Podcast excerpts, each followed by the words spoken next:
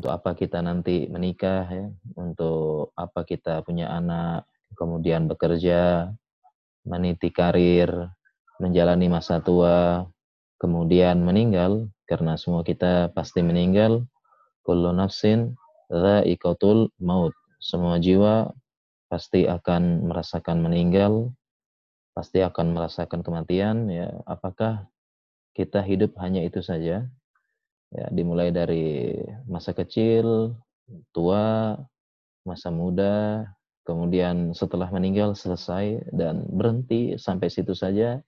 Jawabannya tidak ya. Sesungguhnya kita la tub'atsuna tsumma turadduna ila azizil hamid. Sesungguhnya kita akan dibangkitkan kembali dan dikembalikan kepada Allah yang Maha Kuasa dan kita akan mempertanggungjawabkan semua dari perbuatan kita di hadapan Allah dengan pengadilan di hadapan seluruh makhluk dan pengadilan yang seadil-adilnya. Ini bulan Ramadan ya, terlalu banyak kemuliaan-kemuliaan yang harus yang bisa kita bahas ya sebenarnya. Ditambah lagi bulan ini bulan uh, yang berkah qad ja'akum syahrun mubarak telah datang kepada kita bulan-bulan yang penuh berkah ya di mana sufidatis syayatin di belenggu setan dan di futihatil abwabul jannah dibuka pintu surga wa gulikatil abwabun nar dan ditutup pintu neraka ya. Begitu banyak keutamaan-keutamaan dan eh, teman-teman uh, sekalian ya kita sangat bersyukur ya. Sangat bersyukur dipertemukan dengan Ramadan ya dipertemukan dengan bulannya Al-Qur'an karena kita benar-benar memanen pahala di bulan Ramadan ini.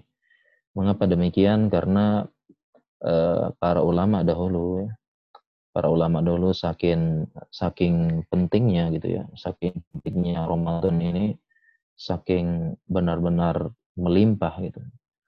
Para ulama dulu benar-benar berdoa ya, mereka benar-benar berdoa kepada Allah dipertemukan dengan Ramadan.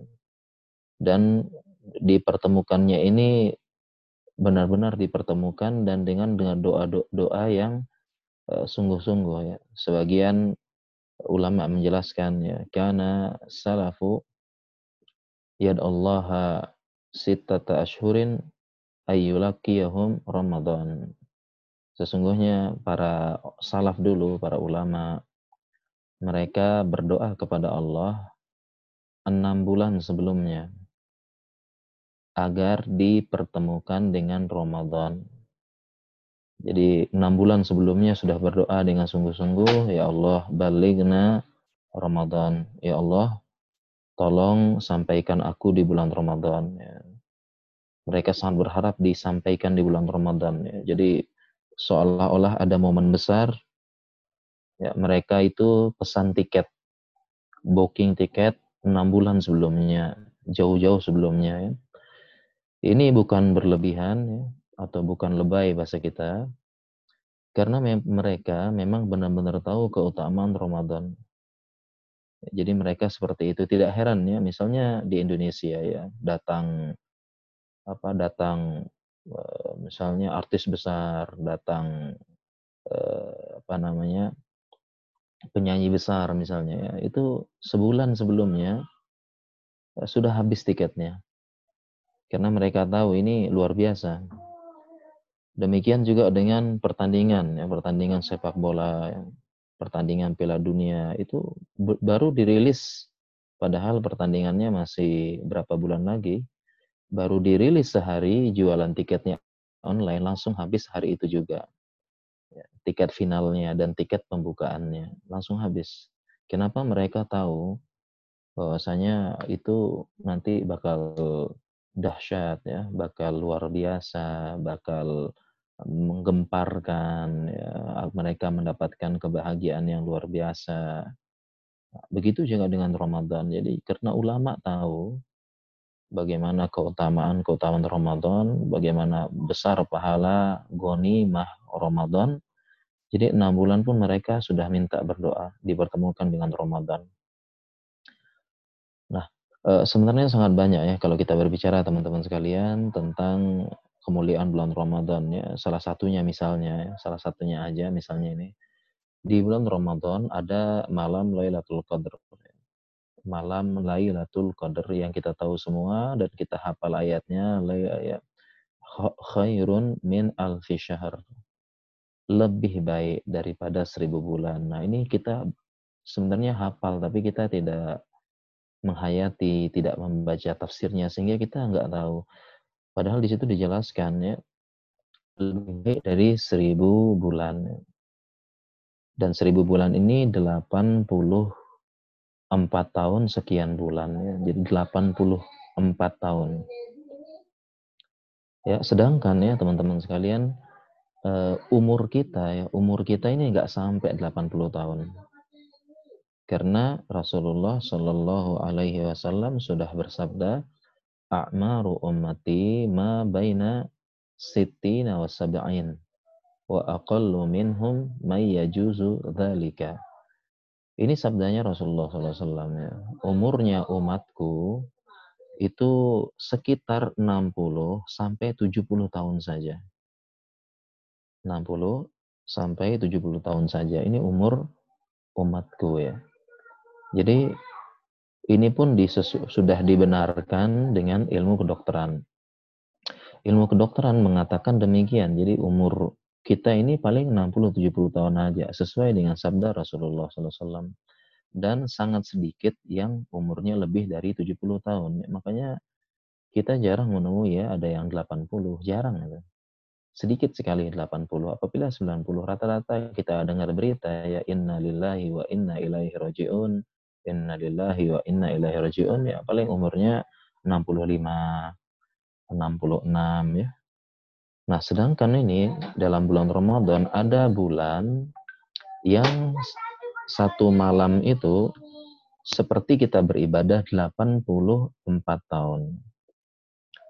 84 tahun yang ini umur kita saja nggak sampai. Dan salah satu tafsir ulama ya, salah satu tafsir ulama dari malam Lailatul Qadar itu adalah kita umat Islam ya, diberikan malam Lailatul Qadar oleh Allah Subhanahu wa taala. Kenapa? Karena umur kita diperpendek ya. Berbeda dengan umur-umur umat sebelum kita ya. Nabi Nuh misalnya 950 tahun umurnya. Kemudian juga misalnya umurnya Nabi Ibrahim 180 sekian. Ya, umurnya umat-umat kita ratusan tahun ya. Kita hanya tadi 60. Nah, salah satu karunia Allah dari umat Muhammad adalah Ramadan alaihi salam. Ramadan yang ada di dalamnya kita beribadah 84. Makanya uh, kita benar-benar tuh ya, kita benar-benar ya, uh, di mana ada Ramadan yang dia kita beribadah lebih panjang daripada umur kita. Pasti kita benar-benar berharap, bersyukur di pertemuan Ramadan dan alhamdulillah ya, teman-teman sekalian sekarang kita dipertemukan dengan bulan bulan Ramadan ini bulan yang terlalu banyak ya keutamaan-keutamaan yang membuat kita harus benar-benar memanfaatkan ya bulan Ramadan ini dan kita bergembira dengan datangnya bulan Ramadan ya. Ya bagi al khairi akbil wa ya bagi syar aksir. Ini sabda Rasulullah SAW wahai kalian yang mencari kebaikan yang banyak akbil sambutlah Waya bagi uh, syar bahai kalian yang banyak melakukan kejahatan-kejahatan atau dosa-dosa serta maksiat aksir maka stoplah, berhenti melakukan tersebut. Ini seruan, sambutan ketika menyambut Ramadan ya. Oke teman-teman sekalian ya, Alhamdulillah. Dan qadarullah ya, qadarullah ya. Teman-teman sekalian, kita di kesempatan Ramadan ini ya, kita menghadapi menghadapi Ramadan ini di tengah pandemi Covid. Covid-19 ya, qadarullah. Yang dengan konsekuensinya kita sudah tahu semua ya ini COVID-19 wabahnya pandemik ya. Pandemik itu artinya uh, kalau dengan nanti dalam istilah medis ada istilahnya epidemik, ada istilahnya uh, pandemik, ada istilah ada istilahnya endemik ya. Itu dalam medis ada ya. Nah, kalau namanya pandemik ya, pandemik itu berarti seluruh daerah di negara ini, di dunia ini ya itu bisa terkena Ya, itu namanya pandemik dan sudah ada korban jiwa. Itu namanya pandemik ya. Karena beberapa wabah hanya ada pada daerah tertentu saja, tapi ternyata kaderullah COVID ini ini pandemik hampir seluruh dunia. Ya berbeda misalnya dengan wabah demam berdarah ya di Indonesia aja yang ada atau daerah tropis di daerah yang ini nggak ada wabah malaria dan sebagainya itu ada namanya itu endemik berarti ya. Nah, pandemik ini tidak ada ya. Seluruh dunia bisa kena ternyata bahkan dahulu ya eh, diperkirakan eh, daerah yang tropis dan kelembabannya tinggi seperti Indonesia itu sulit terkena ya bahasanya kalaupun ada kasusnya hanya sedikit ternyata berkembang luar biasa ternyata ya sama aja kita di Indonesia berkembang terus ya. Ya mudah-mudahan kita berdoa kepada Allah semoga wabah ini segera diangkat gitu. kehidupan kembali normal dan wabah pandemi berdampak ke semua sisi kehidupan dimulai dari ekonomi ya jelas ya banyak yang uh, bekerja di rumah ya. Banyak yang perusahaan berhenti sebentar ya. Pekerjaan pedagang kaki lima gojek ya, GoFood dan sebagainya. Itu berkurang berdampak juga pada sosial ya. Sosial kita kita ada PSBB ada lockdown berdampak juga kepada psikologi banyak yang khawatir ya. Banyak yang juga sebagian tempat eh, di rumahnya jadi kurang stabil ya karena muncul perceraian yang banyak dan sebagainya karena akhirnya bertemu di rumah terus ya berkelahi terus di rumah nggak stabil suami istri dan banyak ya. Qadarullah teman-teman sekalian ya eh, menjalani Ramadan di apa di sini di apa namanya di tengah pandemik dan teman-teman sekalian pun uh, juga apa namanya Qadarullah ya tahun ini menjalani Ramadannya di uh, Jerman ya di negeri yang notabene-nya itu bukan negeri muslim ya negeri non muslim ya. Karena ada yang kuliah ya ada yang kerja ya Qadarullah ya. Ini juga menjadi catatan catatan catatannya catatan. Ya terkait dengan wabah ini ya wabah ya teman-teman sekalian. Uh, wabah ini ya wabah pandemik yang hampir mengenai seluruh dunia ini ini sebenarnya ada hikmah yang banyak jadi memang ya secara zuhir ya secara penampakannya ini wabah ini banyak menimbulkan kesusahan ya, kepada sebagian orang bahkan mayoritas orang berdampak merasakan dampak tidak enak ya, dari wabah ini. Kita orang yang beriman kepada Allah Subhanahu wa taala. Kita beriman dengan takdir baik, beriman dengan takdir buruk dan kita uh, tahu bahwasanya setiap musibah pasti ada hikmah dan seharusnya seorang muslim yang paling berhak seorang muslim yang paling yakin kita punya Allah kita punya Rob, eh, sesungguhnya Allah sudah berkat, berfirman dalam Al-Quran, Inna ma'al ausri yusro. Sesungguhnya dalam kesulitan itu pasti ada kemudahan setelahnya. Ada hikmahnya, kalau hikmahnya cukup banyak sebenarnya, dan ini yang diperintahkan kita dari setiap ada musibah yang terjadi, yang kita kita di, yang kita diperintahkan cari hikmahnya, ya bukan hanya mengeluh bukan hanya cari sulitnya apa hikmah di balik ini. Kenapa? Karena dengan kita mengeluh, dengan kita menyalahkan, tidak akan merubah keadaan. Tidak akan merubah ya. Tetap saja begitu. Virus tetap menyebar, ya. wabah semakin meluas. Padahal kita sudah mengeluh, kita sudah caci maki, kita sudah begini, tetap saja. Tidak merubah sedikit pun ya. Mengeluh, mencaci, memaki, itu tidak merubah keadaan. Inna Allah la yugayiru ma bikomin hatta yughayyiru ma bi anfusihim. Sesungguhnya Allah tidak akan merubah suatu kaum sampai mereka mengubah sendiri. Kalau kita cari hikmah ya cukup banyak sebenarnya. Ya, harusnya itu yang kita cari ya, teman-teman sekalian. Kalau bisa bahkan kita menyusun sendiri ya apa hikmah dari musibah ini kita susun, kita cari-cari sendiri, kita tulis, kemudian kita baca lagi. Ya, hikmah yang sangat banyak. Nah, eh, salah satu hikmahnya teman-teman sekalian Salah satu hikmahnya eh, di bulan Ramadan ini yang kita lihat hikmah bagi seluruh manusia khususnya kaum muslimin di bulan Ramadan ini yaitu Allah dengan adanya wabah ini Allah menunjukkan keperkasaannya kemahakuasaannya Allah dan sekaligus menjadi peringatan bagi kita bahwasanya Allah itu ada. Allah itu ada, Allah itu berhak disembah dan kita ini jangan lupa kalau kalau Allah ada berarti kita jangan lupa kita ini adalah hambanya. Abdun ya, hamba laki-laki, amatun hamba perempuan. Kita ini hamba ya, kita hamba yang kita ini punya tugas, yaitu beribadah kepada Allah, melaksanakan perintah Allah, dan menjauhi larangannya. Ini salah satu hikmahnya, mengingatkan ada Allah. Kita ini hamba ya. Namanya hamba itu siapa sih? Ya.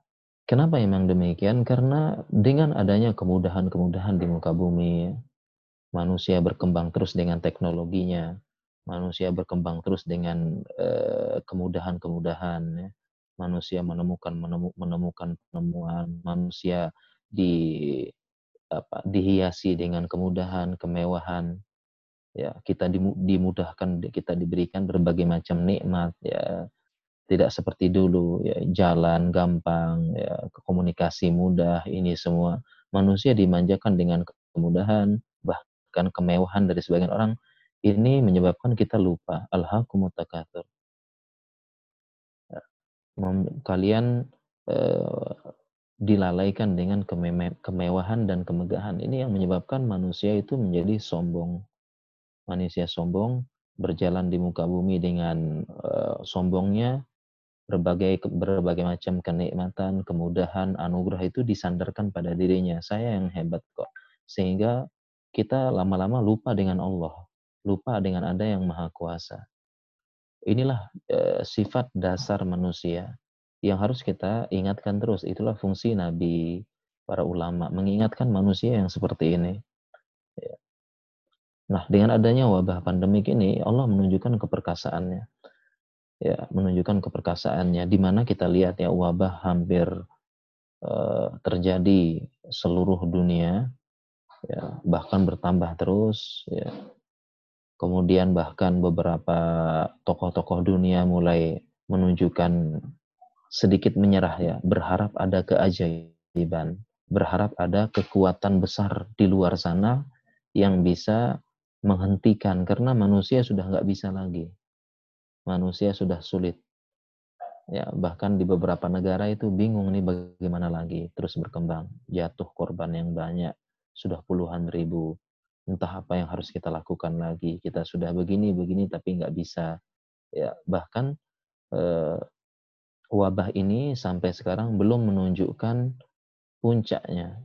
Sampai sekarang belum menunjukkan puncaknya. Artinya wabah ini terus menunjukkan penambahan. Yang namanya puncak maksudnya uh, peak of the curve ya. Insya Allah paham semuanya orang oh, ya, teman-teman akademisi ya. Peak of the curve itu ya.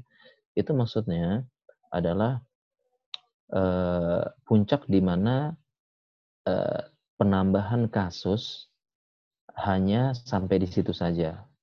Ya, setelahnya, hari setelahnya penambahan kasus cenderung berkurang. Itu namanya puncak. Ya, puncaknya. Jadi puncaknya misalnya sekarang 10, 20 sampai 100, kemudian besok 90, 80. Nah, ini puncaknya.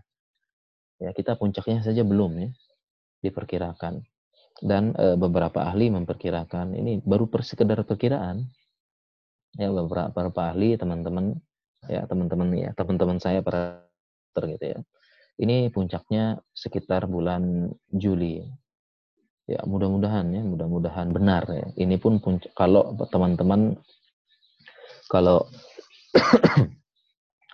kalau apa e, masyarakat kita benar-benar mempraktekkan ya social distancing, ya PSBB dengan baik yang benar, mudah-mudahan demikian. Nah, eh, ketika eh, Allah tunjukkan kemahakuasaannya seperti ini, eh, sebagian orang itu berharap ada keajaiban besar dan eh, berharap ada kekuatan di luar sana yang bisa eh, menghentikannya, karena eh, manusia sudah pasrah ya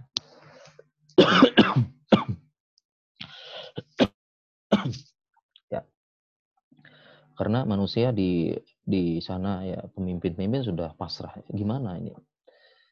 Gimana bisa ya cara menghentikan dan mulailah mereka berharap ada kekuatan kembali kepada Allah. Ya kembali kepada Rob mereka yakin ya. Karena uh, kita lalai ya. Sebagaimana ini saya ceritakan ya ada contoh ya. Ada contoh ya ada contoh bagaimana uh, manusia itu uh, tidak harus kembali kepada fitrahnya. Dia butuh Allah. Dia butuh uh, suatu kekuatan tempat kembali tempat berharap terakhir ini adalah fitrah manusia. Dan memang terlebih ya, terlebih kejadiannya di Cina, di daerah-daerah yang agak apa istilahnya agama menjadi nomor sekian ya. Karena itulah ya salah satu efek dari teknologi dari apa itu semakin terkadang kalau tidak disyukuri semakin menjauhkan manusia dari semakin uh, menjauhkan manusia dari uh, apa dari Allah Subhanahu wa taala. Semakin sombong dengan teknologi. Ya, kalau dulu contohnya misalnya kalau dulu ada yang apa namanya? Dulu kita katakan mana Allah? Lihat coba lihat matahari berput matahari, bulan ya. Inna fi khalqis samawati wal ardi wa ikhtilafil laili wan nahari la ayat. Ya, sesungguhnya perputaran langit, perputaran bintang, ya, matahari ini ada kekuasaan Allah gitu ya. Siapa yang menggerakkan kalau bukan Allah ya? Kekuatan yang besar gitu ya. Mereka dulu bisa, tapi di zaman sekarang ya, dengan adanya teknologi, coba lihat matahari berputar ini, maka mereka mengatakan ah, itu kan cuma kekuatan gravitasi, ini kan bisa berjalan dengan sendirinya, bisa dijelaskan dengan ilmu pengetahuan. Mereka bergerak sendiri dengan hukum alam. Kalau seperti ini penjelasan dengan detailnya, di mana Tuhan? Gak ada gitu ya. Tuhan gak ada. Nah seperti itu. Ya inilah kekuatan membuat kita lupa. Nah salah satu wabah pandemi ini supaya kita kembali kepada Allah.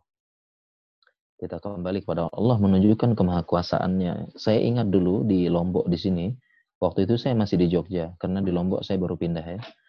Di saya masih ingat dulu di Lombok ya terjadi gempa yang dahsyat ya gempa yang dahsyat saat itu eh, ketika terjadi gempa ya tanah bergoyang saat itu semua kembali kepada Allah semua menyebut Allah saat itu baik yang alim baik yang eh, dia apa nah bejat bahasanya atau orang yang tidak pernah sholat sama sekali tiba-tiba dia ingat Allah. Tiba-tiba lisannya mengatakan Allahu Akbar astagfirullah astagfirullah ya Allah ya ini karena saat itu manusia tahu tidak ada kekuatan yang bisa menghentikan gempa ini kecuali Allah yang Maha Kuasa. Ya, langsung otomatis dia ya padahal nggak pernah sholat katanya tiba-tiba astagfirullah ngomongnya kembali kepada Allah astagfirullah ya. Nah, itu hikmah hikmah terbesar dari uh, wabah ini ya. Wabah ini. Ya, kita teman-teman sekalian ya, ternyata dan qadarullah ya, wabah ini uh, terjadi di bulan Ramadan. Di bulan Ramadan uh, ada beberapa hal yang bisa kita bahas ya teman-teman sekalian terkait dengan uh, wabah kita di bulan Ramadan ini.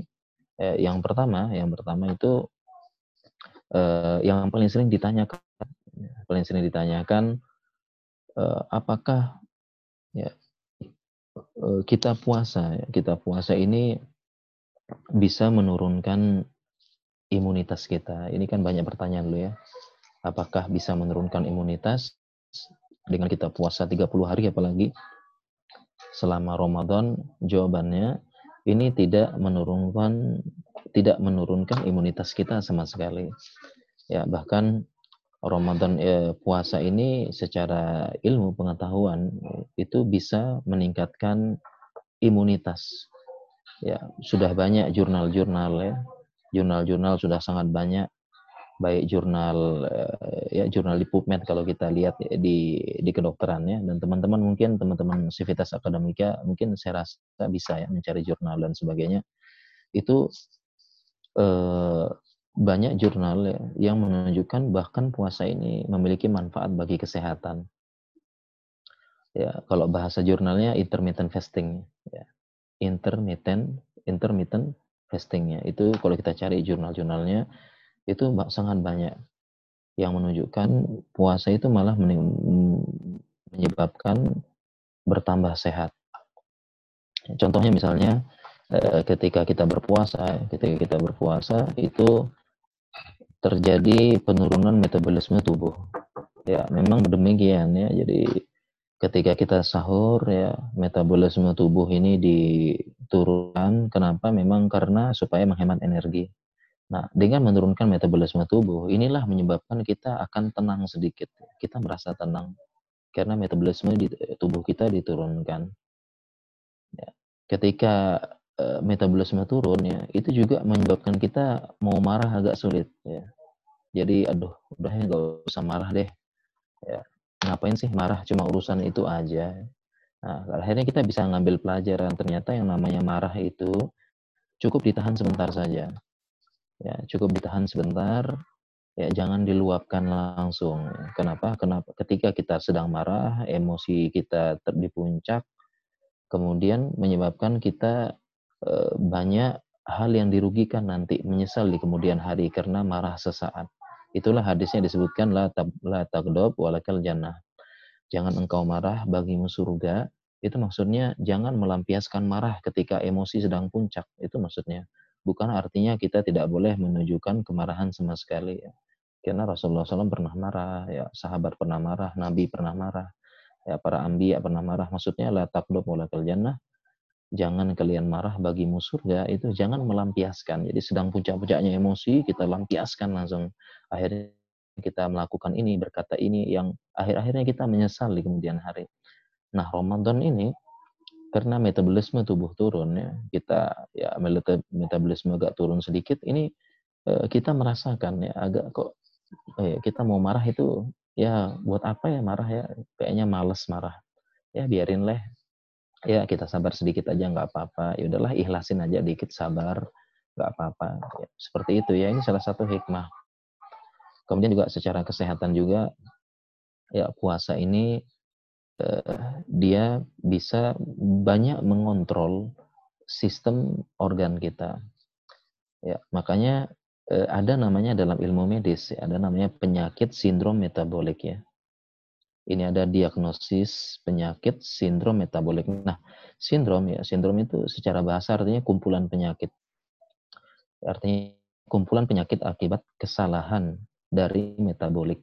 Ini namanya penyakit. Nah, penyakit sindrom metabolik ini kumpulan penyakit eh, pra penyakit bahasanya pra ya, pra penyakit. Dia belum kena tapi masih pra. Ya, kumpulan dari apa? Dari diabetes, kolesterol, hipertensi, asam urat. Nah, kumpulan dari penyakit-penyakit metabolisme. Jadi tapi belum kena. Ya, contohnya hipertensi ya. Kalau orang hipertensi dibilangkan 100 eh, tekanannya di atas 140. Nah, dia ini 130. Ya, atau hampir 100 hampir 140. Demikian juga eh, orang sakit gula ya. Orang yang sakit gula eh, dia belum kena sakit gulanya. Orang sakit gula dibilang mungkin misalnya ya misalnya uh, gulanya 126 gitu ya di lab, tapi dia 120 hampir-hampir gitu atau pernah diabetes. Nah, ada orang yang terkena penyakit namanya sindrom metabolik. Nah, salah satu terapinya orang dari yang terkena sindrom metabolik, terapinya adalah intermittent fasting, disuruh puasa dia. Jadi dia lebih banyak lebih banyak puasa. Terapinya itu. Nah, kita ini ya memang yang bisa jadi belum kena, bisa jadi ke arah sana ya. Kita dalam Islam diperintahkan puasa. disebut juga intermittent fasting juga karena intermittent fasting itu dalam jurnalnya itu ada yang 8 jam, ada yang 12 jam, ada yang 18 jam. Nah, kita ini kan di Indonesia 14 jam. Mungkin teman-teman di Jerman lebih lama ya, bisa 18 atau 16 jam ya. Di Eropa lebih panjang kan siangnya ya.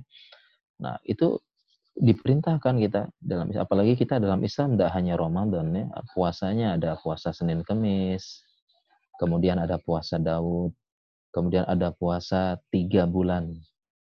Ya, puasa tiga hari setiap bulan. Nah kalau waktunya tiga hari setiap bulan ini terserah pokoknya tiga hari setiap bulan mau di awal bulan mau di tengah bulan mau di akhir bulan terserah. Pokoknya tiga hari setiap bulan. Nah kalau di tengah-tengah namanya ayamul bid puasa tanggal 13, 14, 15. Ini namanya puasa ayamul bid setiap bulan di uh, penanggalan Hijriah.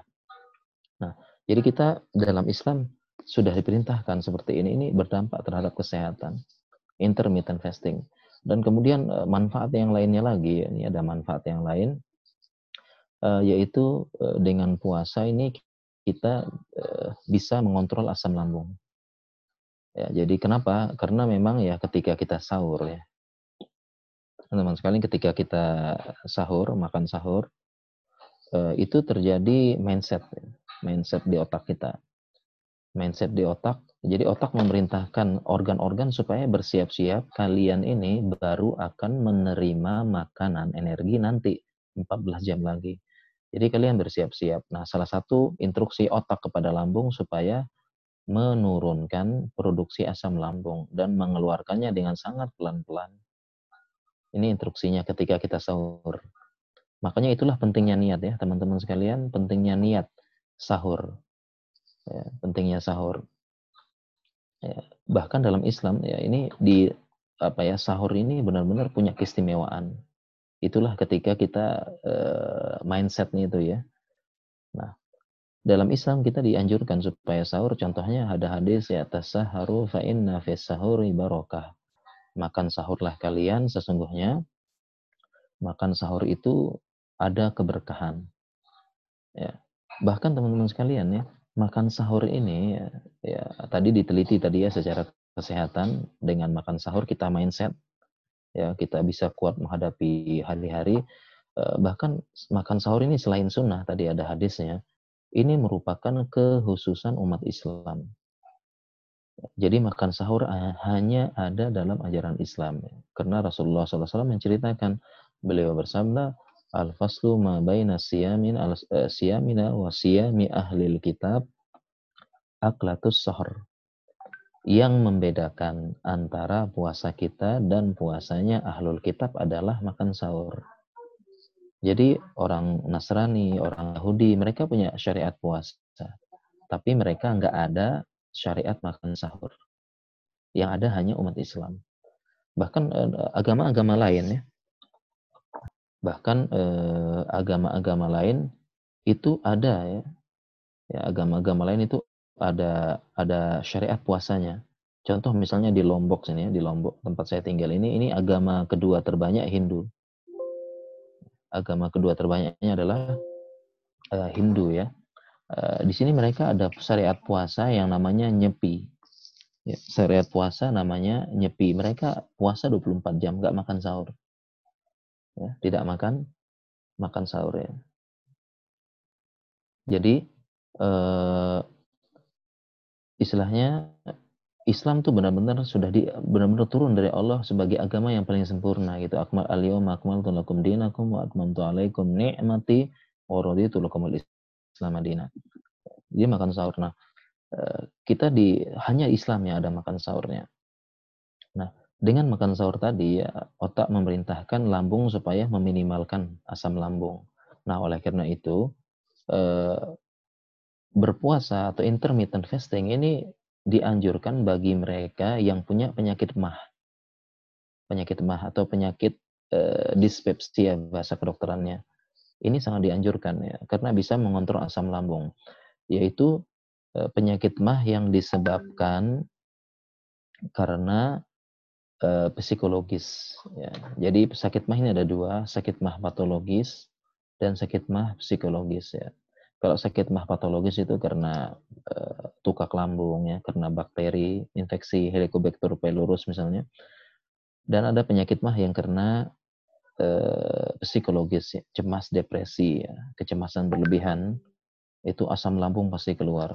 Ya, kita yang kita yang sehat saja kita yang sehat ini sedang cemas ya, mau ujian, mau apa, sidang skripsi, sidang tesis dan sebagainya itu tiba-tiba kok perut jadi panas, perutnya nggak enak, ya. ada yang diare, ada yang uh, mules ya, itu karena psikologis. Nah, kalau orang yang sakit mahnya kebanyakan karena psikologis ya, itu justru cara salah satu terapinya dengan intermittent fasting.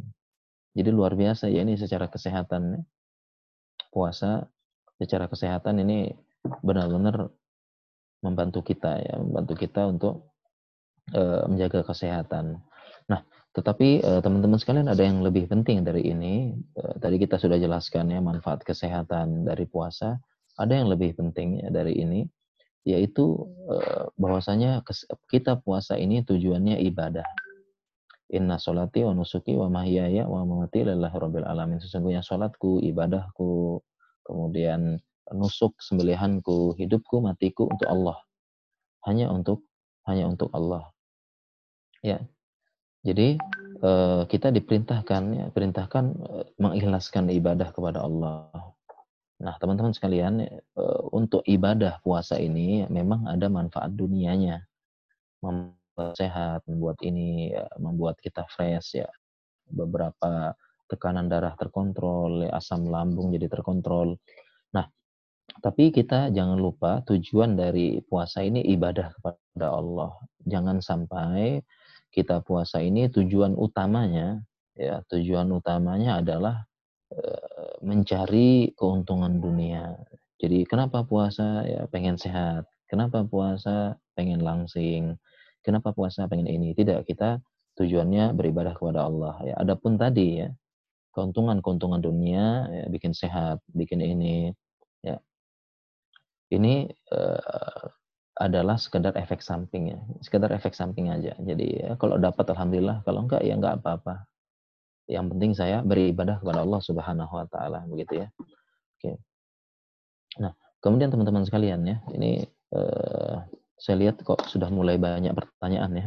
Ya, memang idealnya teman-teman sekalian ya, kalau kajian jarak jauh idealnya tanya jawab aja ya, perbanyak gitu ya. Lebih efektif ya. Kalau kalau terlalu banyak ininya khawatir jadi do jadi dongeng pengantar tidur nanti ya khawatir. Oke nggak apa-apa teman-teman ya. Oke kita lanjut sedikit materinya. Nanti kita perbanyak tanya jawab aja deh ya.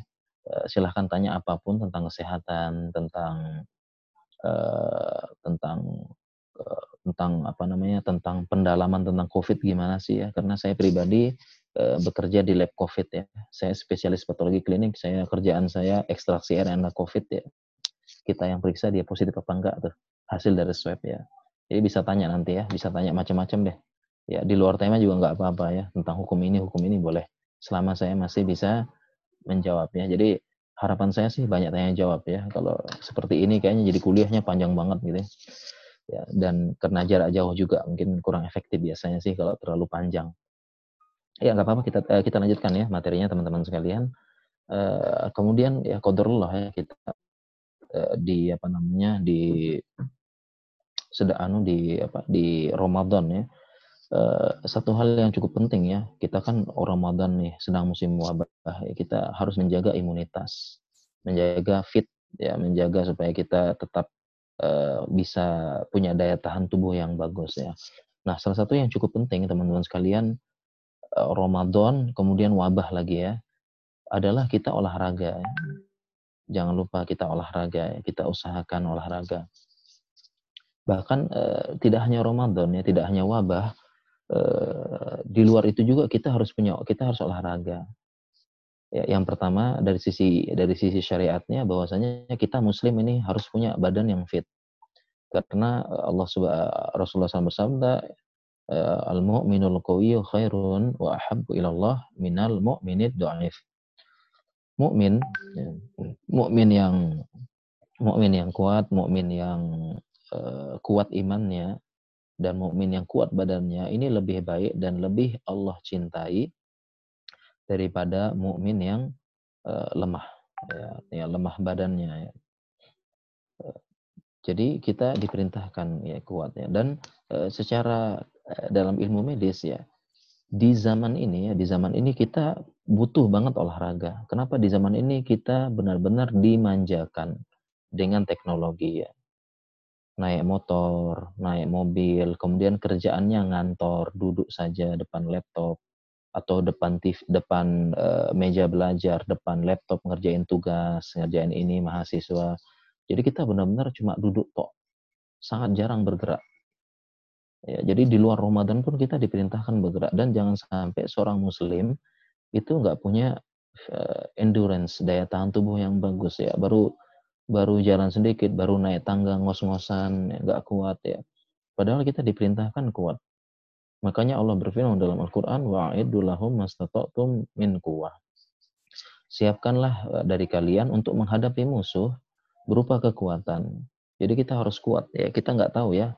Bisa, uh, umat Islam ya harus siap-siap uh, ya, siap-siap ya. Karena bisa jadi uh, kita uh, apa namanya kita diserang, kita di apa ya kita harus siap-siap membela agama kita. Gitu. Jadi kita harus siap-siap kapan pun. Jangan sampai kita uh, apa ya gampang masuk angin, ya. kemudian sering ngos-ngosan, gampang ngos-ngosan. Ini buka apa ya bukan uh, apa istilahnya Eh, tidak dianjurkan seperti ini. Jadi muslim itu harus kuat ya, harus punya stamina yang bagus ya, minimal untuk menjalani hari-hari.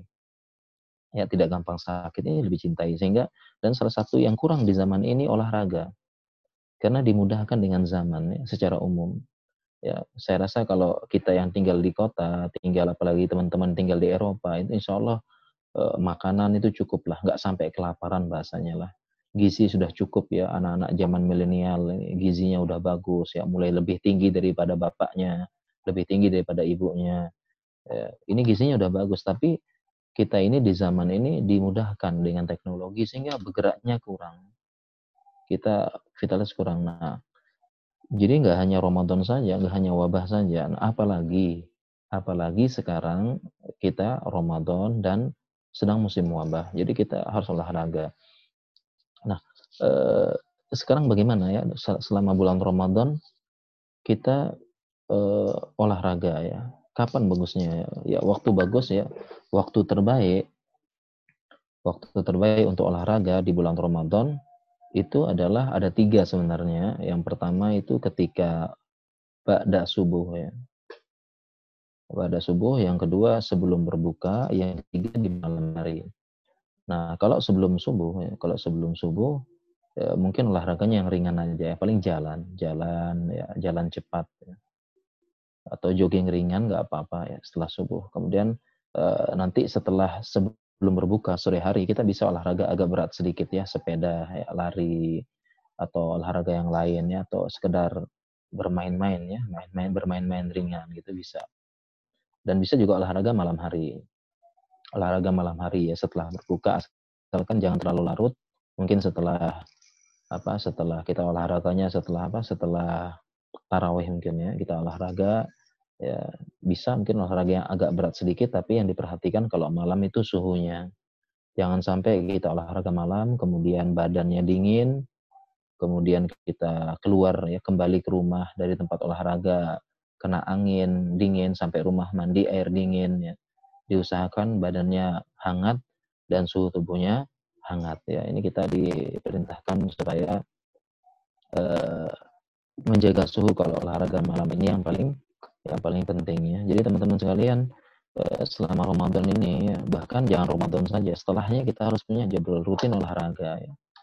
Ya, dan karena inilah ya penyebab kita apa, penyakit kita ya, penyakit metabolik ya penyakit pola hidup ini kita rasa nanti setelah tua, nanti tua nanti baru badannya nggak fit, ya agak bongkok sedikit. Kenapa olahraga ketika mudanya pola hidupnya nggak baik, jarang olahraga. Jadi kalau kita jarang olahraga dan sebagainya itu yang kita rasakan bukan muda seperti ini, tapi nanti akumulasi ketika sudah tua ya 40, 50, 60 baru kita nyesal. Dulu kenapa kita nggak olahraga supaya agak fit sedikit supaya nggak gampang ngos-ngosan ya. Jadi kita olahraga mumpung masih muda ini kita biasakan olahraga ya dari sekarang.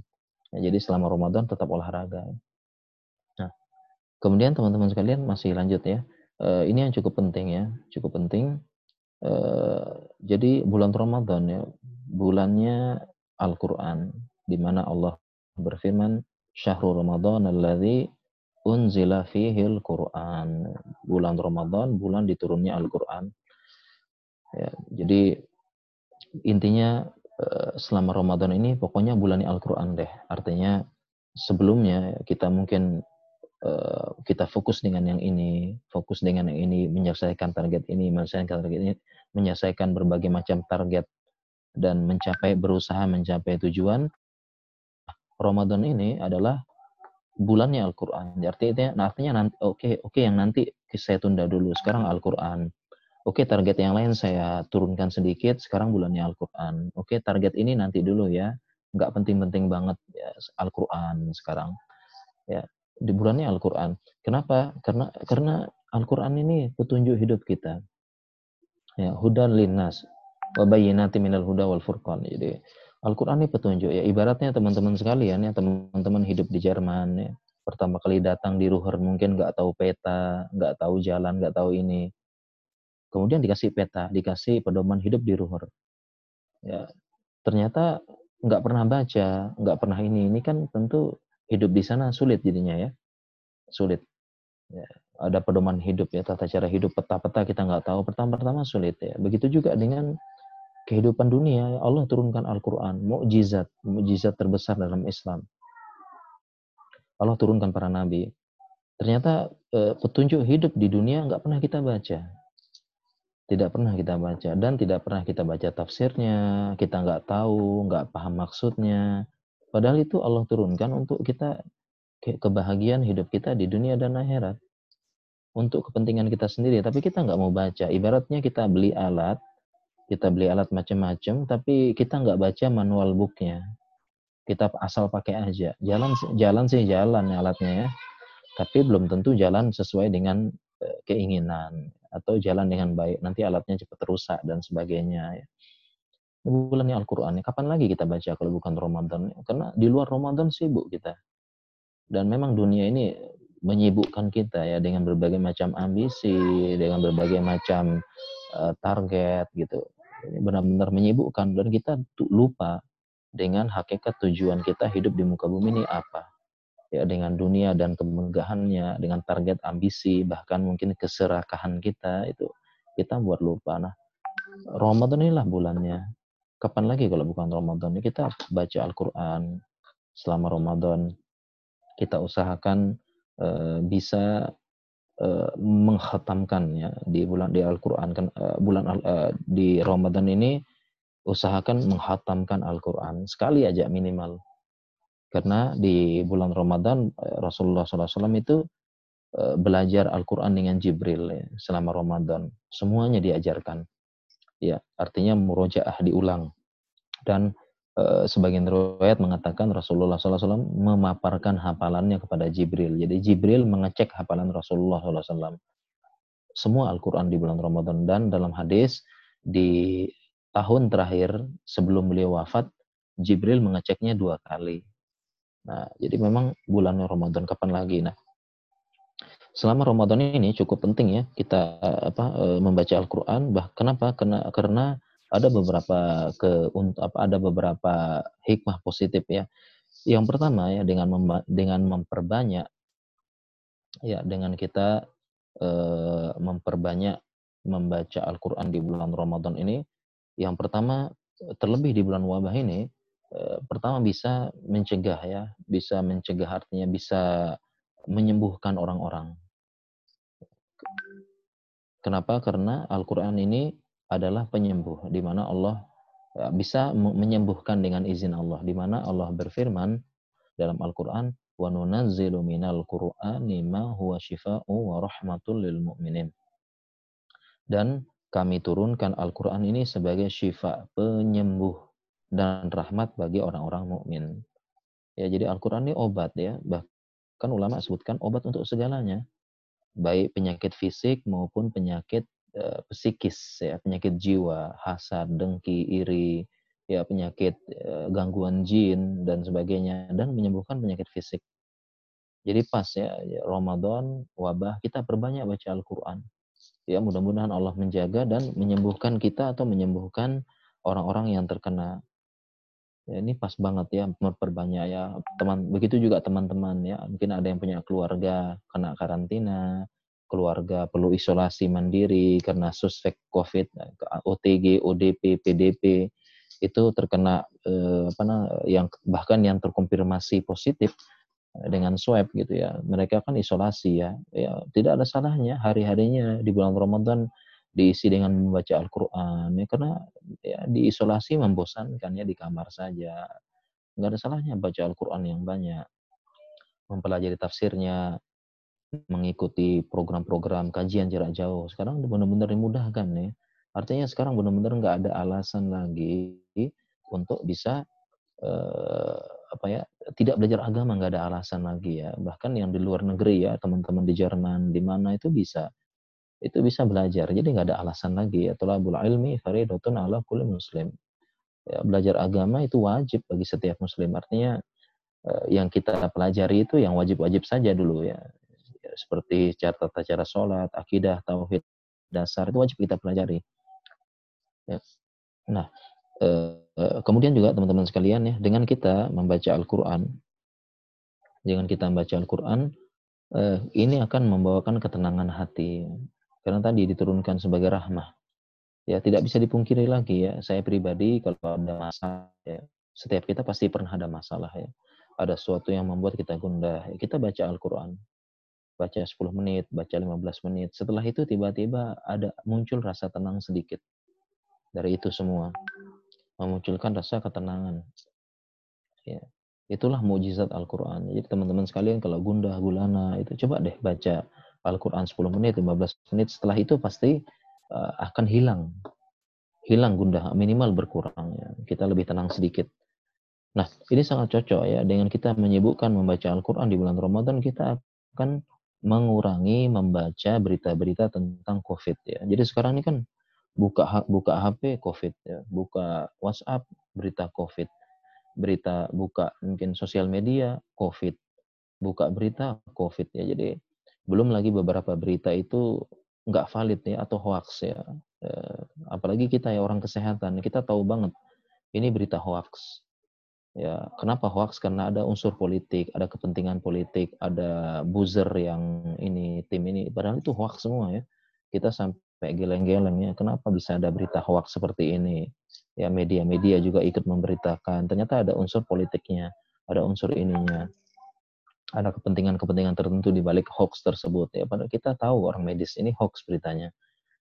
Ya bahkan menambah bahkan uh, berita hoax ini pertama bisa menyebabkan bertambah cemas atau ter, akhirnya atau terlalu meremehkan. Meremehkan. Ibu ini apa wabah ini cuma konspirasi nggak ada cuma bohong-bohongan saja. Ini meremehkan. Padahal uh, kita ini yang turun di lapangan langsung ya, melihat langsung turun di lapangan. Saya pun uh, turun di lapangan, saya melakukan pemeriksaan ekstraksi RNA, ya kita periksa apa uh, periksa dari uh, urutan DNA dari virus ini supaya kita tahu dan sebagainya. Kita melihat ya tiba-tiba ada yang mengatakan ini konspirasi, ya, ini buatan Cina, ini begini begini virusnya buatan. Ini kan kita sebagai orang akademisi benar-benar hoax yang menyebar, apalagi karena kadang hoax tersebut membawa-bawa nama agama ya inilah sebentar lagi Dajjal muncul, ini konspirasi dari Dajjal, begini ya, dan sebagainya. Ya ini kan membuat kita geleng-geleng ya. Ya artinya kita yang akademisi bisa mengetahui ini berita hoax ya. Nah, dengan kita sibuk membaca Al-Quran, ya hati menjadi tenang dan kita tidak disibukkan dengan berita COVID yang justru akan menyebabkan kita makin cemas dan sebagainya. Jadi ya kita sibukkan aja, baca berita yang secukupnya aja jangan setiap hari baca berita nanti tambah cemas. Ya dan saran kita baca bacalah berita dari ahlinya atau dari sumber resmi. Dari ID misalnya Ikatan Dokter Indonesia dari berbagai macam kolegium-kolegium ya Persatuan Dokter Spesialis Indonesia itu bacanya dari situ. Kalau dari media-media saya jadi geleng-geleng ya kadang-kadang beritanya eh, apa namanya ada kepentingan tertentu. Apalagi yang namanya media ya YouTube media-media portal berita kadang-kadang yang mereka cari kan viewer, yang dia cari yang banyak klik ya. Jadi mereka yang penting pokoknya banyak viewer, banyak yang klik sehingga mereka dapat uang. Ya, mereka nggak peduli dengan konten kadang-kadang. Yang penting heboh dulu beritanya. Dia buat judul yang heboh, diangkat tema-tema yang heboh ya. Pokoknya banyak yang ngeklik deh, banyak yang nonton, viewernya banyak. Nggak peduli dengan isinya hoax atau apa. Masalah klarifikasi belakangan. Yang penting heboh dulu yang penting viewer meningkat. Nah ini banyak nih, cukup banyak ya akun-akun YouTube, kemudian juga bahkan portal-portal berita yang nasional pun kita sempat seperti itu. Ya, berita-berita yang hoax, yang tidak benar, yang tidak sesuai dengan ilmu pengetahuannya. Karena ada unsur kepentingan politik. Nah, kita jangan terlalu banyak baca seperti ini, kita baca Al-Quran saja. Kita fokus membaca Al-Qurannya supaya uh, terlebih di bulan Ramadan gitu. Ya. Kemudian ini mungkin yang terakhir teman-teman sekalian ya. Banyak yang mengatakan uh, banyak yang uh, berkata uh, bacaan saya masih nggak bagus ya. Tahsin saya masih nggak baik, tajwid saya masih nggak baik. ya makharijul huruf belum belajar ya. Apakah boleh baca Al-Quran tapi masih belepotan misalnya atau masih terbata-bata? Jawabannya nggak apa-apa. Jawabannya tidak apa-apa. Justru ada hadis yang mengatakan walladzina Rasulullah SAW bersabda wallazina yaqra'una al-Qur'ana wa yatata'u fihi wa huwa alaihi syakun lahu ajron. Ya, barang siapa yang membaca Al-Qur'an kemudian dia terbata-bata. Wa yatata'u dia terbata-bata wa huwa alaihi syakun dan dia kadang-kadang merasakan kesusahan baca. Karena memang ya baca Al-Qur'an itu perlu belajar makharijul huruf ya. Kadang-kadang kalau orang yang belum belajar dia akan sulit bacanya ya. Sulit bacanya ya, menyesuaikan apalagi sebagian orang punya lidah berbeda-beda. Ini membacanya sulit. Ya, seperti sebagian orang Jawa itu kadang-kadang baca ain jadi nga gitu ya. Makanya robul ngalamin gitu dia. Nah, ketika kita perbaiki dia sulit. Memang lahjahnya begitu, lahjahnya atau logatnya begitu, susah dia perbaiki. Ya, kadang-kadang kita maklumi, memang sulit. Nah, bagi mereka ini lahu ajroni. Bahkan bagi mereka yang seperti ini dapat dua pahala. Dapat dua pahala. Pertama pahala membaca, yang kedua pahala bersungguh-sungguh ingin bisa membaca Al-Quran. Selama dia masih proses belajar. Jadi dia sedang proses belajar, dia baca sulit, dia dapat dua pahala. Jadi nggak apa-apa ya kita eh, teman-teman sekalian yang jangan khawatir yang mungkin dulu belum belajar dengan eh, serius ya, belum belajar sungguh-sungguh atau mungkin mohon maaf masih ada yang terbata-bata nggak apa-apa baca aja. Baca dengan niat terus belajar ya belajar tahsin belajar tajwid sekarang online banyak. Tetap sambil belajar tetap belajar dan mudah-mudahan dapat pahala yang banyak ya. Oke teman-teman sekalian ya mungkin ini ya tema kita ya eh, tentang eh, Ramadan ya Ramadan di tengah pandemi COVID ya teman-teman sekalian mungkin materi saya cukupkan dulu ya saya lihat di chatting udah mulai banyak tuh pertanyaannya banyak pertanyaan. E, mungkin selebihnya ini kita bisa maksimalkan untuk apa? Untuk tanya jawab ya. Dan memang mohon maaf ya, karena saya tinggal di Lombok. Ini waktu, waktu Indonesia Barat, gitu ya. Waktu Indonesia Barat. Eh, eh maaf ya, eh, di Lombok waktu Indonesia Tengah itu memang di sini kita as maghribnya itu jam 6 ya, maghribnya jam 6. Jadi memang berbeda dengan WIB ya. Kalau WIB mungkin setengah lima, setengah enam kita jam 6 gitu. Dan di sini sudah mau ya, udah mau ya, udah mau, udah mulai siap-siap. Oke. Baiklah uh, untuk tanya jawab mungkin saya persilahkan ya. Saya kembalikan mungkin kepada moderator mungkin. Silahkan ada yang bertanya langsung atau bagaimana metodenya. Silahkan ya. Siap. Jazakallah Ustaz. Uh, sebelumnya saya mau tanya Ustaz, untuk ya. waktu untuk waktu ini berarti Ustaz ada waktu berapa menit lagi Ustaz? Ya, saya sekitar 40 menit lagi. 40, 40 menit lagi. Ya, atau 30 ya. Soalnya siap-siap dulu nih. Oh, gitu siap. Ya, siap-siap buka puasa kan ini apa makanan Baik. gitu dan sebagainya Baik. ya. Afan Ustaz. Baik, ya. untuk uh, saya langsung ini sudah di udah ada tiga yang raise hand Ustaz. Mungkin Ya, silakan ya. Karena sedikit ini saya yang apa? lewat suara dulu baru nanti saya beralih ke chat. Baik, ya. yang pertama ini ada Mbak Yul, kemudian Resti, ada Syahnas. Yang pertama silakan Mbak Yul. Ya. Assalamualaikum Ustadz, Bismillah. Ya. Saya mau ya, tanya beberapa tentang ini. Yang pertama tentang uh, uh, tadi kan Ustadz bilang juga banyak hoak-hoak. Saya pikir juga karena masyarakat tidak banyak uh, mengetahui dan tidak ada pembelajaran dari masyarakat. Ya. Yang pertama saya ingin tanya mengenai virus itu sendiri. Virus itu sendiri ya. kan ada mengatakan bahwa dia makhluk hidup, ada mengatakan makhluk uh, tidak hidup. Bagaimana menurut Islam virus itu sendiri? Kalau saya sih berpikiran virus itu memang makhluk tetap ciptaan Allah sehingga uh, kita ber ber berpaduman pada tauhid uh, sifat Allah rububiyah ya bahwa Allah Maha mencipta tapi ada mengat, jadi kadang berdebat dengan sesama teman uh, mengenai bahwa virus itu sebenarnya ciptaan laboratorium ciptaan manusia seperti itu. Jadi saya ingin mengetahui bagaimana virus itu dalam Islam. Kemudian yang kedua mengenai masalah vaksin. Uh, kebetulan di Jerman sedang giat untuk vaksin dan sudah mulai uji klinis satu April ini, kemudian Juni uji klinis dua untuk vaksin uh, uh, vaksinnya sendiri kita tidak tahu komposisinya apa dan bagaimana uh, vaksin itu menurut uh, Islam sendiri karena saya lihat banyak sekali anti vaksin yang uh, kelompok anti vaksin yang ada di Indonesia uh, dan juga bukan di Indonesia aja di sini pun uh, sudah ada kelompok anti vaksin sementara virus itu sendiri uh, mungkin hanya dapat uh, diatasi dengan anti obat antivirus dan vaksin uh, dan vaksin. Jadi saya mau nanyakan tentang dua hal itu tersebut. Terima kasih Ustaz. Ya oke ya oke okay, uh, terkait tentang ini ya saya langsung jawab ya. Ya oke okay ya terkait tentang ini tentang uh, virus ya virus ini uh, dia adalah uh, lebih kecil daripada bakteri ya dan memang isinya itu RNA dan virus ini memang uh, ada istilah dia ada yang istilah ilmuwan ya ada istilah ilmuwan dia menyebutkan ini makhluk setengah hidup. Ya tapi ini cuma istilah aja. Kenapa? Karena memang virus ini jadi kalau dia di luar ya di luar sel dia itu seperti benda mati.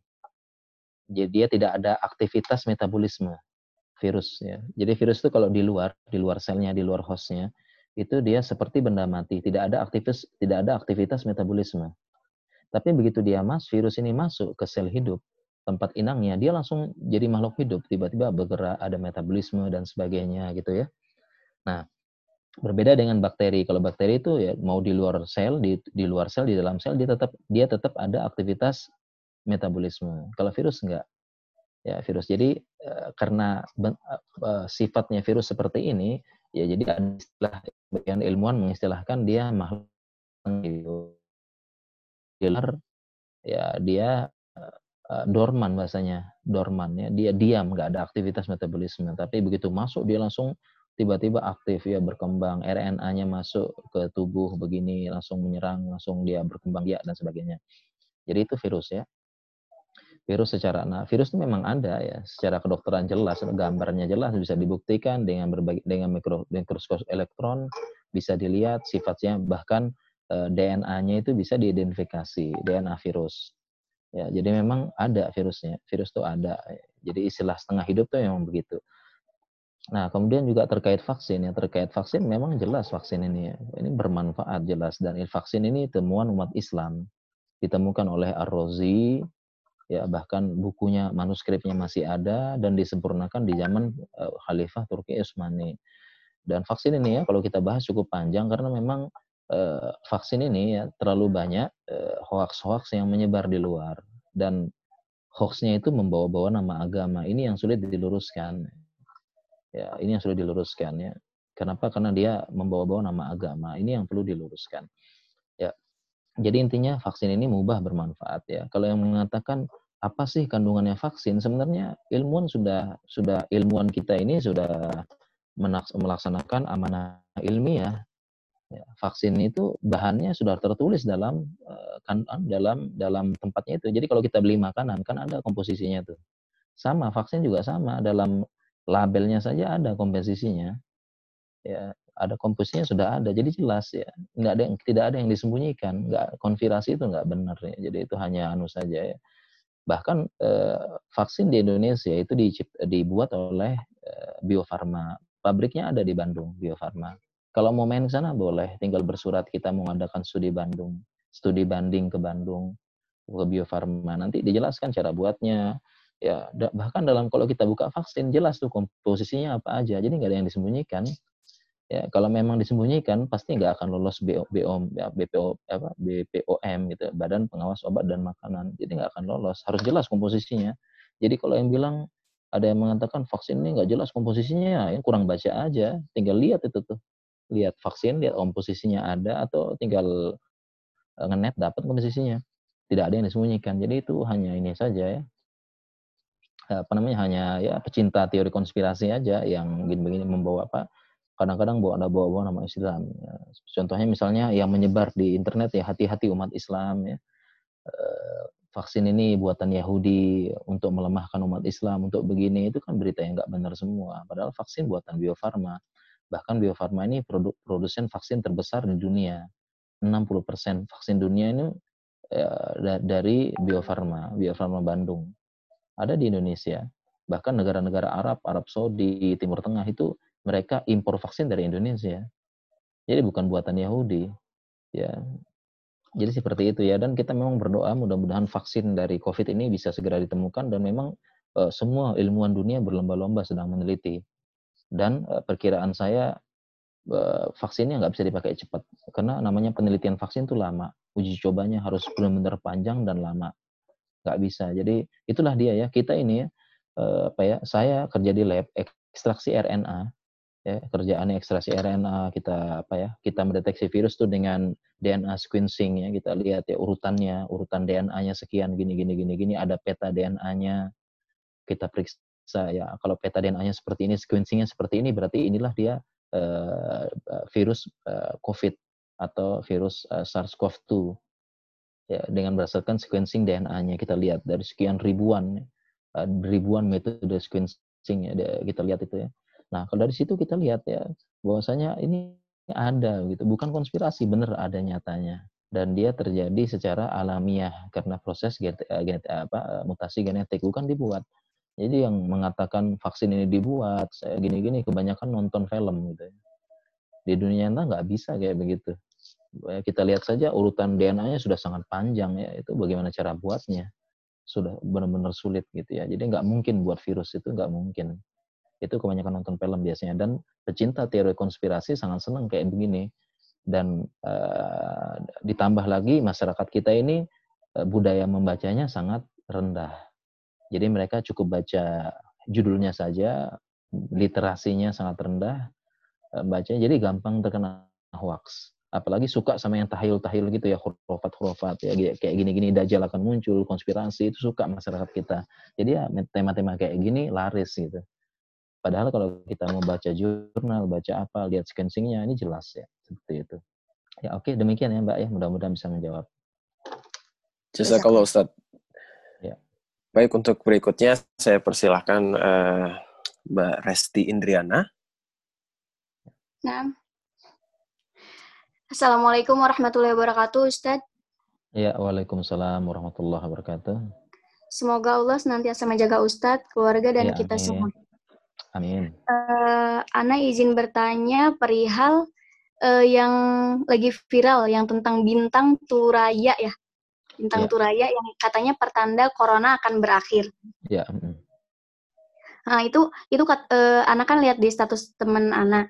Terus itu ada hadisnya katanya berakhir uh, dengan hadis itu sabda Rasulullah Shallallahu alaihi wasallam berakhirnya wabah virus dengan munculnya bintang apa Suraya lagi ya. ya. Uh, tapi pas Ana cari di web web apa web sunnah itu ya. Ana nggak nemu Ustaz. Mohon penjelasannya Ustaz. Jazakallahu khairan wa barakallahu fikum. Iya. Iya. Baik, Ustaz. Silakan Ustaz. Iya. Iya, oke okay ya. E, terkait dengan itu ya dengan hadis yang tadi pertama uh, itu tidak tepat ya, tidak, tidak tepat ya. Saya terus terang saya belum baca seluruh hadisnya. Ya, nanti akan muncul bintang ini akan mengakhiri wabah. Ini enggak benar ya. Artinya itu tidak benar itu bahasa kita tuh cok kali cok ya. Cok kali cok dikali-kali cocok ya. Jadi memang banyak yang seperti ini ya, banyak seperti contohnya misalnya akan muncul dukhon tanggal 15 eh, Ramadan nanti. Ini tidak benar hadisnya ya. Hadisnya kemudian tapi dibawa oleh beberapa orang kemudian dikait-kaitkan dengan kejadian sekarang. Dan ternyata terbukti uh, nggak nggak ada nggak muncul tahun kemarin. Demikian juga dengan ini akan muncul bintang ini dan sebagainya akan berhenti wabah ini nggak benar ya. Tidak ada kaitannya dengan itu. Ya jadi uh, apa yang disampaikan tadi itu tidak tepat ya tidak tepat dan uh, jangan percaya jangan percaya seperti itu ya. Jangan percaya tidak ada kaitannya dengan kejadian kita sekarang ya demikian. Mungkin itu jawaban insya Allah ya. Baik Insya Allah terjawab ya Mbak ya. Uh, berikutnya ada Mbak Syaknas Umufati. Silahkan, saya persilakan. Assalamualaikum Ustadz. Semoga Ustadz dan seluruh kaum muslimin selalu dalam lindungan Allah. Anda mau Amin. tanya, biasanya wanita itu suka melakukan facial gitu ya Ustadz. Kalau ya. di bulan Ramadan seperti ini, apa masih diperbolehkan? Dan apakah akupuntur itu juga diperbolehkan di bulan Ramadan ini? Ya. Jazakallahu khairan Ustaz, barakallahu ya. Ya oke okay ya. Uh, kalau terkait dengan facial, apakah boleh di bulan Ramadan? Jawabannya boleh-boleh aja ya, facial. Ya, tidak ada unsur-unsur membatalkan puasa. Oh, uh, mungkin ya boleh. Mungkin karena ada pembahasan ya. Uh, memang ada ulama ya membahas tentang hukum memakai celak. Celak itu seperti apa ya? Uh, semacam apa ya ditaruh di bagian mata ya atau ya celak ya celak orang zaman dulu jadi kelihatan matanya Mamanya lebih hitam. itu suka pakai celak. Ah ya oke okay. celak ya. Sebagian lama dulu sempat membahas ya tentang hukum memakai celak di bulan Ramadan. Ada yang mengatakan batal, ada yang tidak karena mirip tetes mata. Tapi pendapat terkuat memakai celak tidak membatalkan puasa. Nah sehingga kita bisa kiaskan dengan facial ya, cuma naruh di muka nggak sampai masuk ke mulut apa tidak membatalkan puasa. Jadi insya Allah nggak membatalkan puasa. Nah kemudian kalau aku puntur, aku puntur juga sama nggak batalkan puasa. Ya karena dia hanya nusuk begitu ya. Bahkan saya sempat membuat ada tulisan dan buku saya buat tentang hukum suntikan di bulan Ramadan. Jadi kalau selama suntikan tersebut eh, suntikannya kalau yang disuntikan bukan bahan makanan itu nggak batal. Misalnya eh, sekedar suntik anestesi itu nggak batal. Ya kecuali kalau yang disuntikan bahan makanan suntik vitamin C ya bikin putih gitu ya atau suntik vitamin D, eh, suntik infus itu baru membatalkan. Tapi kalau suntik bukan bahan makanan, ya seperti suntik anestesi nggak batal puasanya. Apalagi hanya suntik akupuntur ya, cuma masuk sedikit ya nggak banyak. Jadi akupuntur tidak membatalkan puasa. Tidak batal ya. Ya. Jazakallah Ustaz. Insya Allah ya. terjawab ya, Mbak ya. Oh, ya. Baik, uh, Berikutnya saya beralih ke kolom chat. Itu sebenarnya masih ada satu, tapi beliau sudah chat sudah ini jadi saya bacakan di chat. Untuk chat saya sortir yang uh, sesuai tema dulu ya Ustaz supaya kita ya. lebih efektif. Baik, ya. uh, di kolom chat ini ada dari Mas Aji Saka. Assalamualaikum Ustadz, izin bertanya. Ya. Kawan-kawan. Jerman sebetulnya sudah banyak yang paham akan kebaikan puasa mereka juga banyak yang melakukan interval fasting atau intermittent fasting. Fasting ya. Akan tetapi akhir-akhir ini ketika puasa dilaksanakan di musim panas, banyak kawan-kawan Jerman yang memandang kritis puasa ini karena kita tidak minum sama sekali ketika puasa. Jadi yeah. mereka melihat puasa di musim panas ini tidak sehat. Bagaimana yeah. cara menjelaskan ini dari sisi medis kepada mereka, Ustadz? Karena minum tetap di dibolehkan ketika intermittent fasting atau interval fasting. Insya Allah kalau kita sebagai Muslim mengimani ini, tapi bagaimana dengan kawan-kawan Jerman ini? Terima kasih Ustaz. Iya oke ya. Ya memang demikian istilahnya apalagi sedang di musim panas ya panjang dan sebagainya. Jawabannya eh, Allah sudah perintahkan ya perintahkan bahwasanya kita itu e, berbuka puasa itu kita puasa sejak terbit matahari sampai terbenam matahari ya kullu washrabu hatta yatabayyana lakumul khaytul aswadi minal khaytil uh, uh, khaytul abyadu minal khaytil aswadi minal fajar. Jadi makan minum sampai kalian bisa membedakan benang hitam dan putih yaitu fajar sampai uh, iza syam sampai terbitnya sampai tenggelam matahari. Dan itu seperti itu ya. Jadi berapapun panjangnya 16 jam, 18 jam Ya, dan Allah Maha tahu pasti ada daerah yang siangnya panjang seperti teman-teman di Jerman. Allah sudah tahu. Dan e, ketika Allah tahu dan pasti la yukallifullahu nafsan illa wus'aha dan Allah tidak akan membebani seseorang di luar kemampuannya. Berarti Allah telah menciptakan syariat dan Allah tahu berarti manusia mampu berarti kan mampu dan bisa menjalani. Mampu bisa menjalani. Jadi e, selama itu Allah perintahkan tegas apalagi dalam Al-Qur'an ini sudah jelas Allah perintahkan itu pasti Allah mampu dan pasti tidak akan merusak kesehatan manusia. Itu kita yakin. Puasa ya 16 jam, 18 jam itu tidak akan merusak kesehatan manusia. Nah, apabila mereka memandang seperti itu, maka kita yang buktikan sekarang kita bisa. Ini tetap sehat ya. Artinya eh, kita kan nggak apa nggak sampai kehausan banget ya. Tetap ada masa berbuka. Anggaplah 16 jam atau 18 jam ini masih ada 6 jam masih ada 8 jam ya. E, masih ada 6 kalau kita puasa 16 jam puasa 18 jam kan masih ada 6 jam masih ada 8 jam. Itu kita bisa maksimalkan untuk minum. Ya kita bisa maksimalkan untuk untuk minum ya. Jadi kita uh, minum yang banyak ya minum kita usahakan 18 8 gelas kita minum ya. Kita apa kita minum setiap berapa jam kita atur ya. Kemudian juga ya kita usahakan kalau musim panas jangan keluar atau jangan ke mana begitu ya. Nah, jadi kita kita buktikan bahwasanya dengan ini tidak kita tetap sehat gitu. Ya, kita tetap sehat dan kita juga bisa apa bisa beraktivitas seperti biasa seperti itu ya. Jadi kita berikan jawabannya seperti itu ya. Insya Allah eh, tidak membahayakan kesehatan dengan mengatur minuman ketika uh, fase berbuka tersebut ya. Nggak akan nggak akan dehidrasi. Dan orang nggak akan dehidrasi kok. Ya orang de, apa orang yang dehidrasi aja uh, apa namanya selama tiga hari ya, dia nggak minum masih bisa ya. artinya belum ada ini belum ada efek yang tertentu. Apalagi kita nggak sampai seharian kita nggak minum gitu kan. Insya Allah nggak berbahaya kesehatan. Jazakallah. Insya Allah terjawab ya Mas Aji Saka. Uh, berikutnya ada dari hamba Allah ini.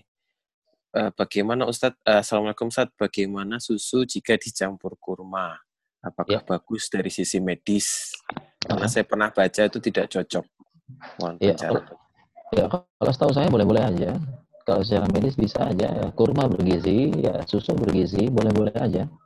Boleh dicampur ya jadi kita makan susu makan kurma boleh. Artinya kurma di blender campur susu boleh-boleh aja ya dua-duanya makanan bergizi.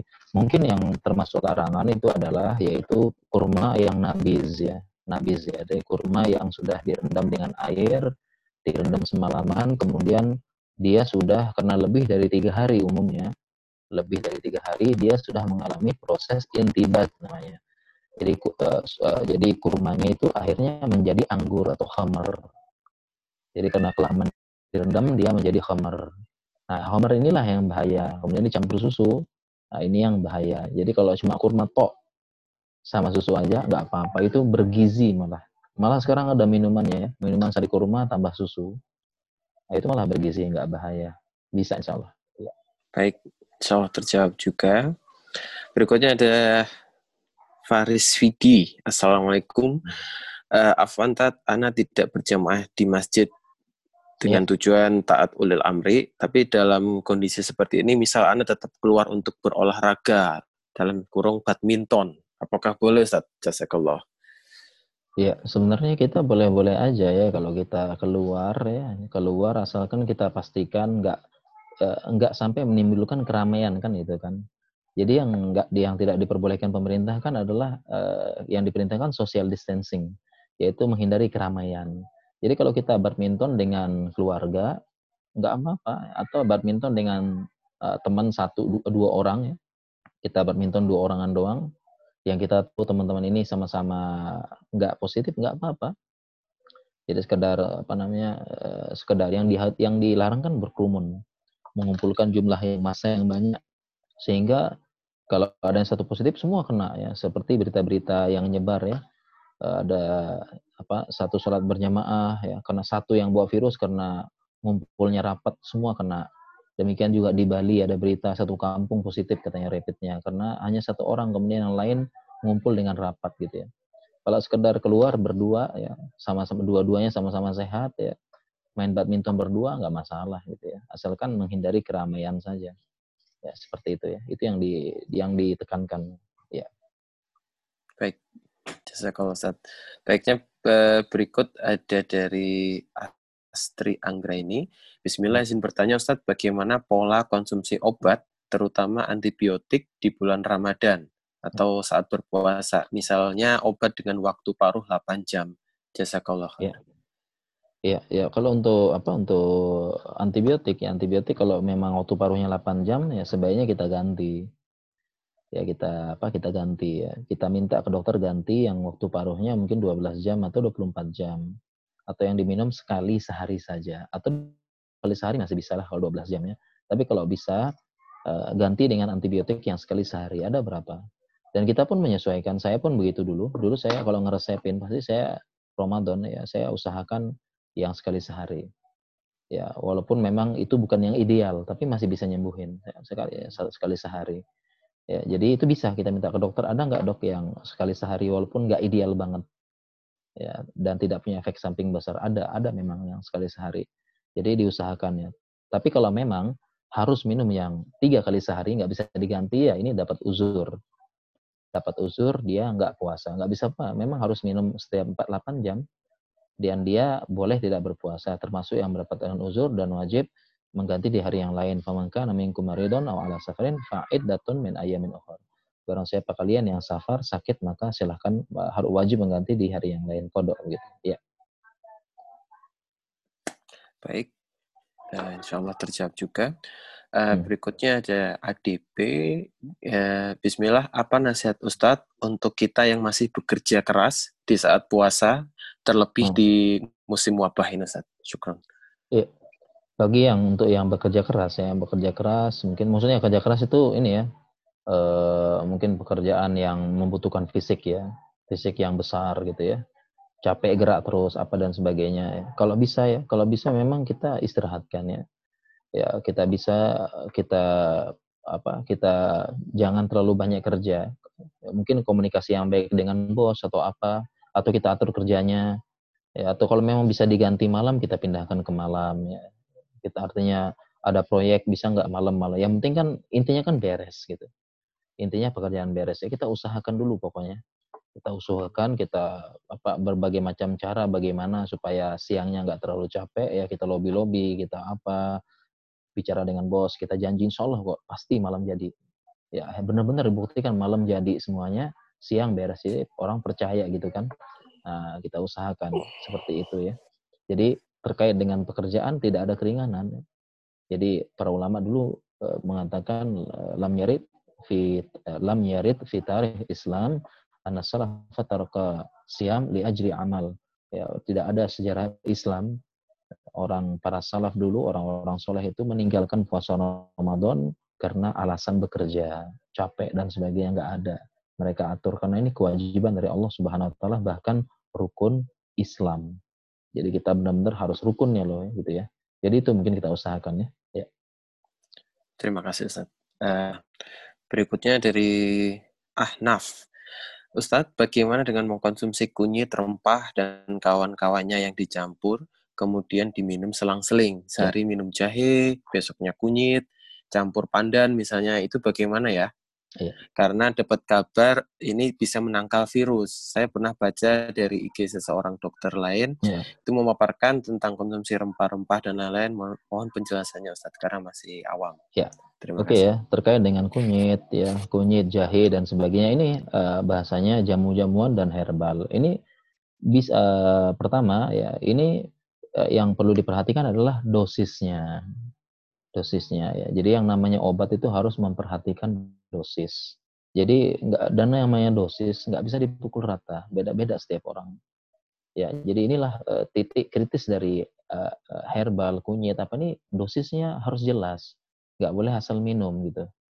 Ya, artinya satu dosis untuk semua orang nggak bisa ya, karena berbeda-beda. Ibu hamil beda, orang tua beda, ini beda. Jadi dosisnya yang penting dan benar-benar harus merujuk kepada ahlinya ya bahkan yang namanya apa pun itu kita punya prinsip mau tibun nabawi mau herbal mau obat dokter kalau kekurangan dosis ya, nggak ya, tepat. Kalau kelebihan maka berbahaya. Ini bahkan dijelaskan oleh Ibnu Qayyim al-Zawjiyah dijelaskan juga oleh Ibnu Hajar. Bahkan ada hadis yang menunjukkan bahwasanya e, tibun nabawi itu harus sesuai dosis. Harus sesuai dosis gitu ya. Nah jadi intinya dosisnya bagus. Kemudian e, kalau meningkatkan daya tahan tubuh bisa memang jadi bagus ini termasuk bagus baik ya jahe eh, kemudian temulawak ini sudah terkenal sejak zaman dulu bagus. Memang bisa meningkatkan daya tahan tubuh. Ini baik. Yang penting dosisnya jelas. Dosisnya jelas. Ada yang namanya dosis nggak bisa dipukul rata. Jadi kalau ada sesuatu minum saja itu ya nggak pakai dosis. Ini kita harus kritis dulu. Ini ada jahe misalnya, minum saja pokoknya. Gimana cara minumnya? Minum aja pokoknya. Nah, ini kita perlu kritis, hati-hati, dosisnya berapa dulu. Ya, jangan sampai menimbulkan bahaya yang lain karena eh, jahe temulawak punya zat aktif, bahkan habatus soda punya zat aktif. Kalau berlebihan ginjal bisa rusak. Ya, jadi kita harus kritis. Ini bukan nakut-nakutin ya. Kenapa? Karena tobib-tobib kita di zaman dulu ya orang-orang kita ya uh, apa namanya uh, ini kan apa rempah ya jahe ini kan warisan anu kan warisan budaya kita zaman dulu ya bahkan kakek saya juga dulu ini ahli herbal gitu ya. Tapi orang-orang dulu mereka punya dosisnya. Ya, punya dosisnya. Misalnya orang dewasa ya masukkan sekian uh, sekian jahe sebesar jempol dua. Nanti direbus. Cara ngerebusnya begini apinya dikecilkan disaring begini. Mereka ada aturannya gitu ya. Cara buat obatnya dosisnya ada. Wah oh, kalau anak kecil begini. Oh lagi ibu menyusui begini dosisnya ini dikurangin. Cukup satu jempol saja satu ruas aja begitu. Ukurannya segini. Jadi mereka pakai dosis zaman dulu ya. Bukan asal saja minum ini buat begitu. Enggak. Jadi titik kritisnya itu dosisnya berapa dulu ya? Harus jelas. Bukan asal tolong buat gini doang ya. Cuma cuma resepnya doang tapi dosisnya apa? Nggak tahu gitu. Ya dan itu yang penting. Dan e, kalau memang dosisnya tepat ini sangat bagus ya, untuk daya tahan tubuh sudah terbukti sejak zaman dulu kala. Nah kalau tapi yang diperhatikan kalau klaimnya klaimnya untuk daya tahan tubuh ini benar. Tapi kalau klaimnya bisa menyembuhkan ini nggak benar. Karena kalau untuk menyembuhkan ini perlu bukti. Ya, perlu bukti. Artinya kunyit bisa menyembuhkan covid. Ya buktinya mana? Kita perlu tes dulu. Ada orang sakit kita kasih kemudian kita lihat ya. Dan jangan sampai pakai faktor kebetulan atau testimoni perlu bukti. Tapi kalau klaimnya meningkatkan daya tahan tubuh ini benar tapi sekali lagi klaimnya ini obatnya covid nah ini perlu bukti perlu bukti begitu ya oke ya insyaallah Baik, insya Allah terjawab ya Mbak ya. Ya, uh, ini mohon maaf ya, mohon ya, maaf ya. Uh, ya. Mungkin sekali lagi satu pertanyaan lagi ya. Ini sudah mau buka, siap. saya siap-siap soalnya. maaf Ustaz, ya ini ting ya, apa -apa. tinggal ya. tinggal ya, satu Ustaz. Dari ya. Mas Fadli. Assalamualaikum Ustaz, saya mau bertanya tentang COVID-19. Mohon ya. penjelasannya secara medis, mengapa anak-anak di bawah 6 tahun lebih tahan terhadap COVID-19? Dan ya. apakah benar bahwa di temperatur tropis dan kelembapan udara normal 40-60%, virus ini tidak mudah berkembang di Bandung misalnya udara yang dingin dan kering. Jazakallah khair. Ya, eh, apa namanya? Memang dulu eh, beberapa bapak ahli ya, beberapa ahli saya punya dokter anak ya, dokter anak ketua dinas kesehatan di sini kita ada pertemuan dulu dia mengatakan dokter anaknya eh, memang virus ini eh, jarang jarang dijumpai pada anak kecil. Ya jarang dijumpai pada anak kecil ya sedikit sekali. Tapi ternyata ini jadi perhatian apa e, ternyata e, setelah e, perjalanan kasus ini banyak ternyata ada juga anak kecil yang kena. Ada anak kecil ya saya di Lombok nih ada berapa anak kecil umur 2 tahun positif umur 2 tahun positif positif COVID ya. Jadi artinya ternyata teori yang mengatakan anak kecil sulit kena ternyata kena juga. Mungkin faktor yang menyebabkan anak sulit anak kecil jarang uh, anak kecil sedikit karena anak kecil nggak nggak jarang ke mana-mana yang ke mana-mana orang dewasanya. Ya yang pergi ke luar negeri yang pergi ke Cina pergi ke mana pergi ke sini ke bandara ke mana mayoritasnya orang orang besar. Sedangkan balita ya ke, mereka di rumah jarang dibawa safar jarang pergi. Karena virus ini menular tuh yang pergi-pergi itu ya. Ya jadi virusnya dia di tempat yang nyebar tuh orangnya ya. Orangnya dan yang kena ya orang yang riwayat dari luar negeri semua. Seandainya orang Indonesia di nggak ke mana-mana nggak akan kena gitu. Yang bawa virus emang yang pergi-pergi ini yang pergi dari Cina pergi dari luar negeri pulang ke Indonesia kemudian ya akhirnya dari beberapa tempat datang pulang mudik pulang kampung bawa virus jadi virus ke daerahnya.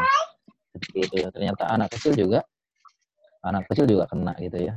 Anak kecil juga tetap kena memang ada yang positif gitu. Ya. Jadi seperti itu ya insya Allah. Baik. Insya Allah terjawab Mas Fadli ya.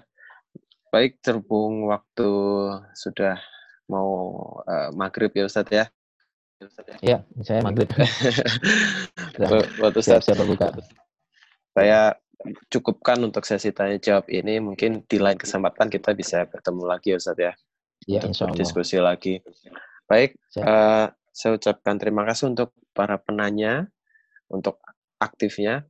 Baik, uh, berikutnya yaitu sesi uh, penutup, Ustaz. Ya. Saya mohon Ustadz untuk berkenan untuk menutup dengan doa acara ini, ya. Ustaz. Ya. Ustaz. Hmm.